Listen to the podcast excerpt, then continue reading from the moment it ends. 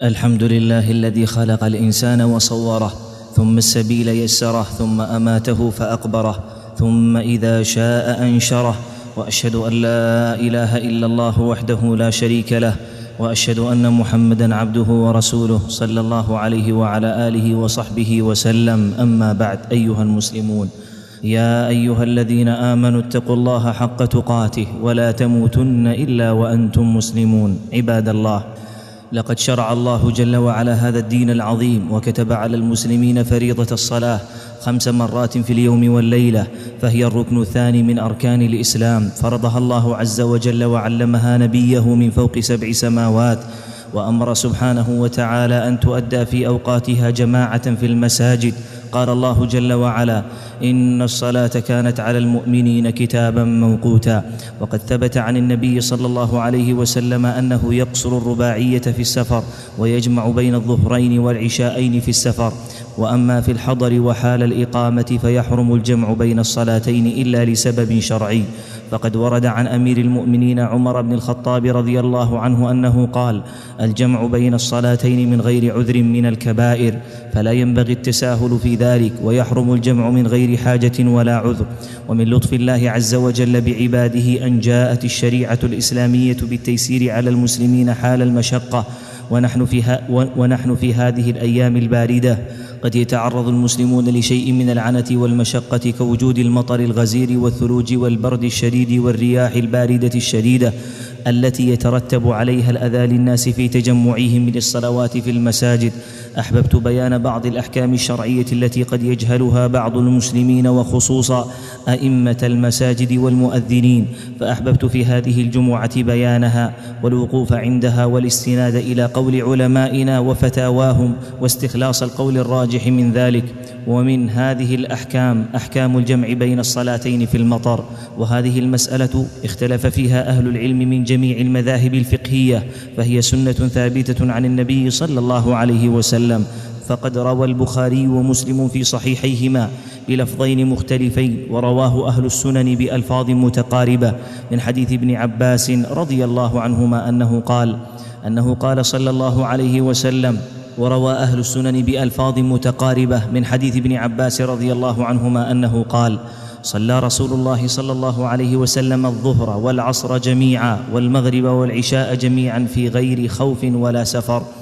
وورد في غير خوف ولا مطر. قال الإمام مالك رحمه الله أرى ذلك كان في المطر ووافقه على كلامه جماعة من أهل المدينة وغيرهم. ومنهم الإمام الشافعي رحمه الله تعالى. وفي صحيح مسلم قال ابن الزبير فسألت سعيدا لما فعل ذلك فقال سألت ابن عباس كما سألتني فقال أراد الا يحرج أحدا من أمته صلى الله عليه وسلم وقد استدل جمهور العلماء من أتباع مالك والشافعي وأحمد وكذلك المحدثين بروايات عبد الله بن عباس على جواز الجمع بين الصلاتين في الحضر. بسبب المطر والبرد فإذا نزل المطر الذي فيه مشقة فإنه تجمع لأجله صلاة المغرب والعشاء باتفاق العلماء. قال العلامة محمد بن إبراهيم رحمه الله أما مطلق المطر فلا وكذلك إذا لم تكن معه مشقة فلا. وقال رحمه الله أما جمع العصر مع الظهر فالذي عليه أئمة الدعوة رحمهم الله وعليه العمل عدم الجمع حيث أن المشقة في النهار أسهل من المشقة في الليل. وقال رحمه الله الذي عليه أهل هذا البلد منذ عشرات السنين. هو عدم الجمع بين الظهر والعصر. انتهى كلامه رحمه الله. وقد ذهب بعض أهل العلم إلى أنه لا يجمع بين الظهر والعصر. وقالوا الجمع خاص في الليل. وأفتى أعضاء اللجنة الدائمة للإفتاء. وعلى رأسهم ابن باز رحمه الله. بجواز الجمع بين المغرب والعشاء من أجل المطر الذي يبل الثياب ويحصل معه مشقة من تكرار الذهاب إلى المسجد لصلاة العشاء. أيها المسلمون. مذهب أصحاب الشافعي وأحمد واختيار شيخ الإسلام ابن تيمية رحمهم الله تعالى أنه لا تفريق بين هذا وهذا ما دام قد ثبت الدليل عن النبي صلى الله عليه وسلم أنه قد جمع بين الظهر والعصر وكذا بين المغرب والعشاء فلا تفريق بينهما أيها الإخوة في الله لنعلم جميعا أنه لا يكون الجمع بين العشاءين إلا بوجود عذر شرعي كالمطر والبرد والريح ونحو ذلك ويتأكد ذلك في الظهرين فيحرم الجمع بين الظهر والعصر إلا بوجود مشقة عظيمة وعذر شرعي كمطر شديد جدا أو برد ورياح شديدة خروجا من خلاف العلماء في مسألة جمع الظهر والعصر. أيها المسلمون ولا يجمع بين صلاة الفجر وبين أي صلاة أخرى ولا بين صلاة العصر والمغرب. ولا يجمع بين صلاة الجمعة والعصر وأما كمية المطر الذي يجمع لأجله فقد قال أهل العلم أنه المطر الغزير الذي يحمل أوساط الناس على تغطية رؤوسهم. وكذلك قالوا المطر الذي يبل الثياب وكذلك قالوا المطر المؤذي فلا يجوز الجمع للرش الخفيف جدا الذي لا يؤذي ولا يسبب وحلا ولا طينا ولا زلقا. وكذلك اشترطوا استمرار نزول المطر حال الجمع قال الإمام الشافعي رحمه الله. ولا يجمع إلا والمطر مقيم في الوقت الذي يجمع فيه. وكذلك ذكر العلماء أنه يجوز الجمع في الطين والوحل إذا كان فيه خطورة الانزلاق ولو كان المطر واقفا. ومن الأسباب التي يجوز الجمع بسببها الريح الشديدة الباردة قال شيخ الإسلام ابن تيمية رحمه الله يجوز الجمع للوحل الشديد والريح الشديدة الباردة في الليلة المظلمة ونحو ذلك وإن لم يكن المطر نازلا في أصح قولي العلماء. وذلك أولى من أن يصلوا في بيوتهم والأصل في الرخصة أنها تعم.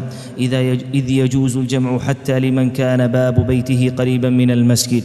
ومن كان يذهب إلى المسجد بالسيارة ومن كان يمشي تحت سقف في طريق مظلل فيجوز له الجمع. لأن النبي صلى الله عليه وسلم لم يفرق بين القريب والبعيد. وكان عليه الصلاة والسلام يخرج من بيته الملاصق للمسجد فيصلي بالناس ويجمع. نأتي أيها المسلمون للمسبوق وهو الذي دخل المسجد فوجدهم قد انتهوا من الصلاة الأولى وبدأوا بالصلاة الثانية فإنه يدخل معهم بنية الصلاة الأولى. وإذا دخل المسجد بعد انتهاء المصلين من الجمع كله جاز له الجمع في مذهب الإمام أحمد رحمه الله تعالى وغيره. وكذلك فإن السنن الرواتب ترتب حسب ترتيبها فإذا جمعوا المغرب والعشاء فإنه يصلي سنة المغرب وبعدها سنة العشاء وبعدها قيام الليل إن شاء ولا حرج عليه إن شاء الله تعالى. نسأل الله سبحانه وتعالى أن يفقهنا وإياكم في دينه وأن يعلمنا ما جهلنا وأن ينفعنا بما علمنا إنه سميع مجيب. أقول قولي هذا وأستغفر الله لي ولكم ولجميع المسلمين فاستغفروه إنه هو الغفور الرحيم. الحمد لله الذي لا إله إلا هو وحده لا شريك له له الملك وله الحمد وهو على كل شيء قدير. أشهد أنه الله الحي القيوم ذو الجلال والإكرام وأشهد أن محمدا عبده ورسوله صلى الله عليه وعلى آله وصحبه أجمعين. أيها الأحبة المسلمون نأتي لموضوع آخر. ألا وهو الآذان والنداء بالصلاة في الرحال فقد اتفق الفقهاء على مشروعية قول المؤذن عند المطر أو الريح أو البرد. ألا صلوا في رحالكم أو الصلاة في الرحال استدلوا على ذلك بأدلة منها. حديث ابن عمر رضي الله عنهما في صحيح البخاري أنه أذن بالصلاة في ليلة ذات برد وريح ثم قال ألا صلوا في الرحال. ثم قال إن رسول الله صلى الله عليه وسلم كان يأمر المؤذن إذا كانت ليلة ذات برد ومطر يقول ألا صلوا في الرحال.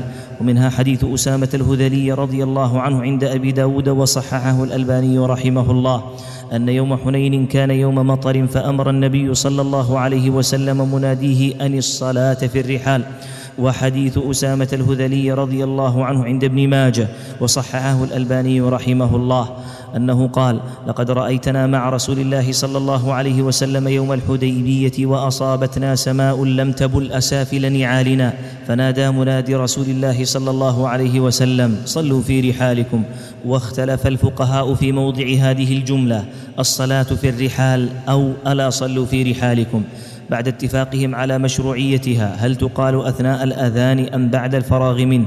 على ثلاثة صفات. أولها أنها تقال في أثناء الأذان بدلا من حي على الصلاة وهو قول للشافعية وظاهر مذهب الحنابلة. والثاني أنها تقال في أثناء الأذان ولكن يقولها بعدما يقول حي على الصلاة وهو قول للشافعية. الثالث أنها تقال بعد الفراغ من الأذان كله وهو مذهب الحنفية والمالكية وقول للشافعية. والأمر في هذا واسع سواء قالها في أثناء الأذان أو بعد الفراغ منه فكله جائز وكلها ثابتة في السنة. ولكن الأولى أن يكون بعد الفراغ من الأذان وهو رأي لبعض الحنفية ومذهب الشافعية. ليبقى نظم الآذان على وضعه. هذا وصلوا وسلموا رحمكم الله على من أمركم بالصلاة والسلام عليه فقال جل وعلا إن الله وملائكته يصلون على النبي. يا أيها الذين آمنوا صلوا عليه وسلموا تسليما. اللهم صل وسلم وبارك على نبينا محمد وعلى آله الطيبين الطاهرين وصحابته الغر الميامين والتابعين ومن تبعهم بإحسان إلى يوم الدين وأعنا معهم بعفوك وكرمك وجودك يا أكرم الأكرمين. سبحان ربك رب العزة عما يصفون وسلام على المرسلين والحمد لله رب العالمين.